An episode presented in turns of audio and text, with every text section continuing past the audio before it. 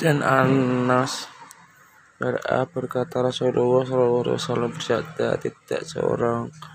muslim yang menanam tanaman atau menanam tumbuhan kemudian memakan darinya burung atau manusia atau binatang maka bagiannya oleh sedekah di apa yang telah dimakan tersebut. Di sini menganjurkan untuk gemar menanam pohon dan tidak hanya dapat memberikan kehidupan bagi makhluk hidup lain manusia. Dalam pengertian yang lebih luas, melestarikan alam merupakan salah satu bentuk ibadah sosial yang secara tidak sengaja kita telah berbentuk ibadah sosial secara tidak